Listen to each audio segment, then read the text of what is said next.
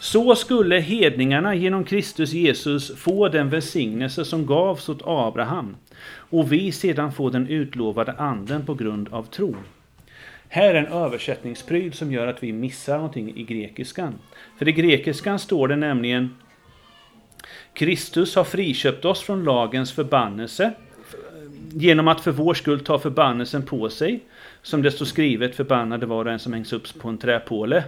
För att hedningarna genom Kristus Jesus skulle få den välsignelse som gavs åt Abraham. För att vi skulle få den utlovade anden på grund av tron. Det är alltså parallellverser som uttrycker samma tanke i två former. Så att hedningarna får välsignelsen och vi, det stora kollektivet, får anden. Det är alltså samma grej. Här får man det framstå som att först ska hedningarna välsignas och sen ska man få anden.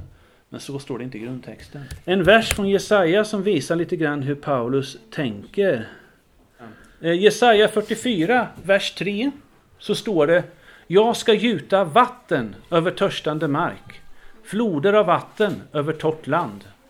Jag ska utgjuta min ande över dina barn, min välsignelse över dina ättlingar. Så anden och välsignelsen likställs i i Jesaja. Va? Så det här är en... Vad betyder ordet välsignelse? Egentligen i grundformen är det nog som vi tänker oss. Man signar väl. Gud vill, Gud gör någonting gott för människan.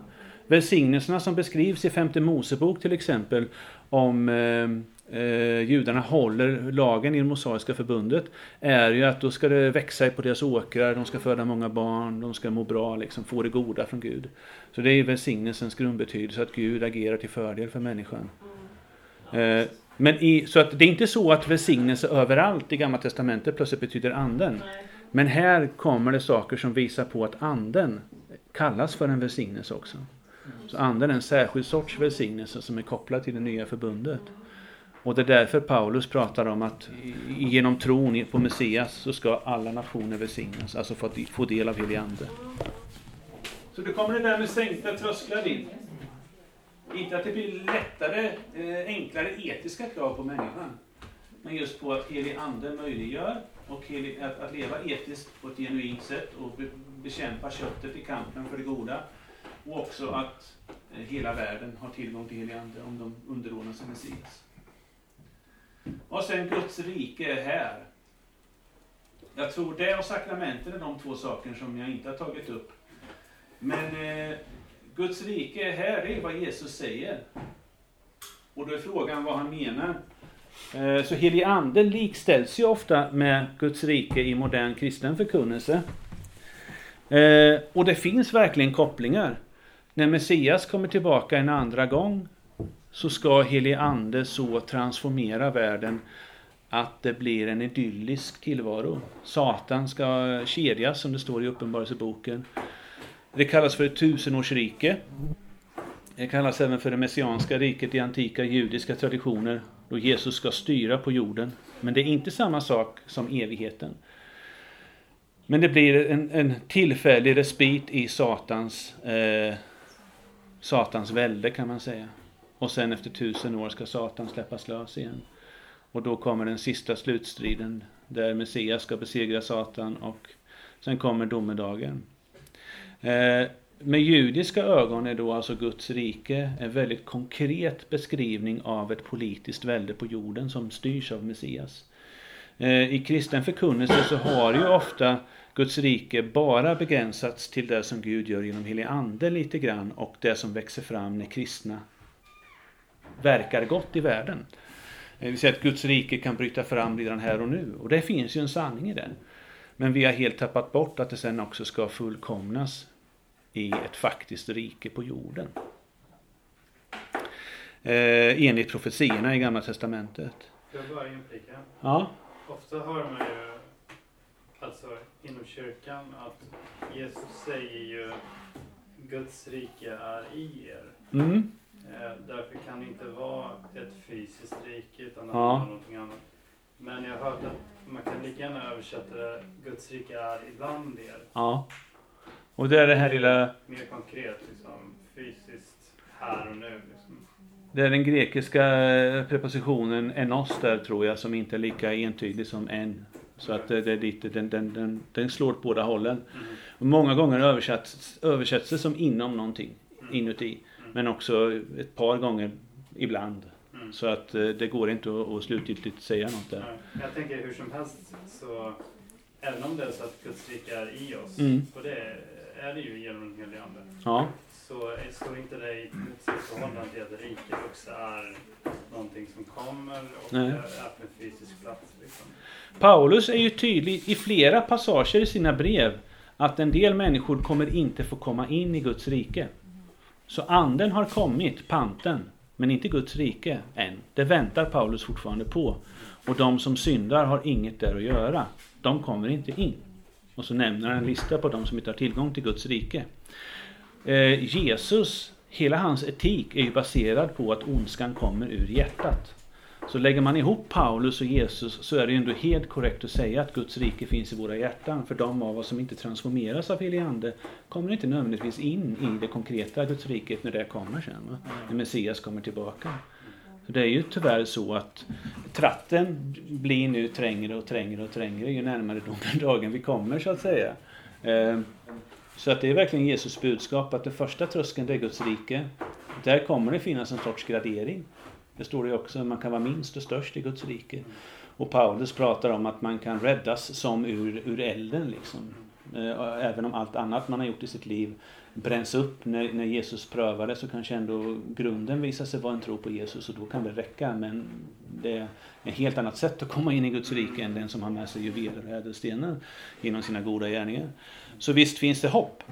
Men det är ändå liksom grundbudskapet är detsamma. Guds rike är för dem som tror på Gud.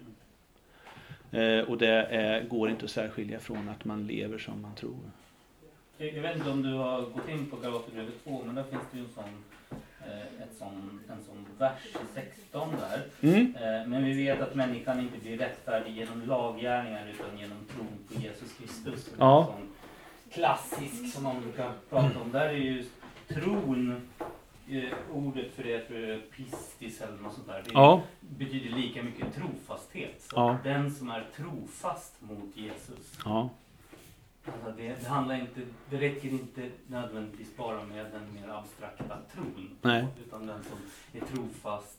Och det är mycket det som argumentationen senare bygger på. mm. Att vi bär vårt kors och att vi är döda och vi ska identifiera oss med imitatio och Ja. ett sånt teologiskt begrepp. Vi identifierar oss med, med Jesus på Mm. korset. Som är en dödsreligion. Nu ska, ja. ska våga ta i här.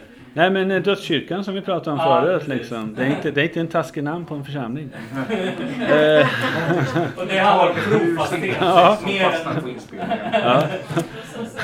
Men eh, det är också, det här är intressant att just den versen så är det också många teologer idag som menar på att den bör översättas vi vet att människan inte blir rättfärdig genom laggärningar utan genom, utom genom Jesu Kristi trofasthet.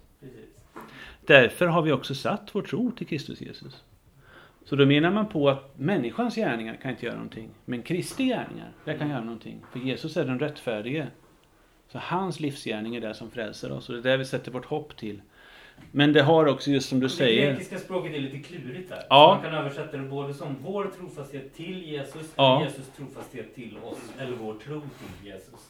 Och en del tänker sig att Paulus faktiskt ville använda båda nyanserna. Mm. Att det är, han är lite poet. Killen var poet. Men i en sån diskussion kan det också bli så här, så alltså spelar det inte så stor roll för då, då är Jesus har inte gjort det och uppfyllt det och han går hela vägen. Så Mm. försök du men det spelar egentligen ingen roll. Och jag tror att det spelar jättestor roll. Ja, Och att vi får inte liksom bli slappa och slöa där och bara leva på nåd och kärleken från Jesus. Det är lugnt. Nej. För det spelar ändå ingen roll. För jag tror visst att det spelar roll. Det gör, och det, Paulus är jättetydlig med det, att när det just kommer till vad det är som renar oss från våra synder, det är där diskussionen där handlar om, vad är det som gör att vi får komma in i Guds rike, så är det ju inte det, det är Torans system. Nej, ja. Eh, utan det är Guds renande verk, eh, Jesu renande verk på korset, att han har dött för våra synder. Det är det som gör att vi får till, han, han skriver i Galaterbrevet, jag hoppar över det där i kapitel 3, att eh, eh, Kristus har friköpt oss från lagens förbannelse genom att för vår skull ta förbannelsen på sig. Så att eh, i det här resonemanget så bygger ju Paulus på just det att lagens gärningar kan inte ta bort förbannelsen från oss. Tvärtom, lagen är en del av problematiken där att vi ska verkligen hålla den och eftersträva det så gott vi kan, för det är Guds vilja. Men vi får ändå en förbannelse över oss. Den tar Jesus bort. Men sen när han väl har tagit bort den så får vi helig ande. Och då är det lydnad till anden som gäller. Och anden som vi pratar om här står uttryckligen i Hesekiel och Jeremia bland annat och även i Jesaja att den har kommit för att hjälpa oss hålla lagen. För judar ser det annorlunda ut än för icke-judar. Det är ju den som är, det som är Apostlagärningarna 15 igen, att då menar ju en del, får man helig ande som Gud har utlovat till Israel och Juda för att lagen ska skrivas i hjärtat, då måste det innebära att man måste bli jude och hålla hela lagen, för det är anden. Liksom. Men där då menar Paulus och de andra att nej, anden kan faktiskt verka på andra sätt bland icke-judar. De har också sina bud och lagar och sin etik. Men de, man måste inte vara jude för att ta emot helig ande.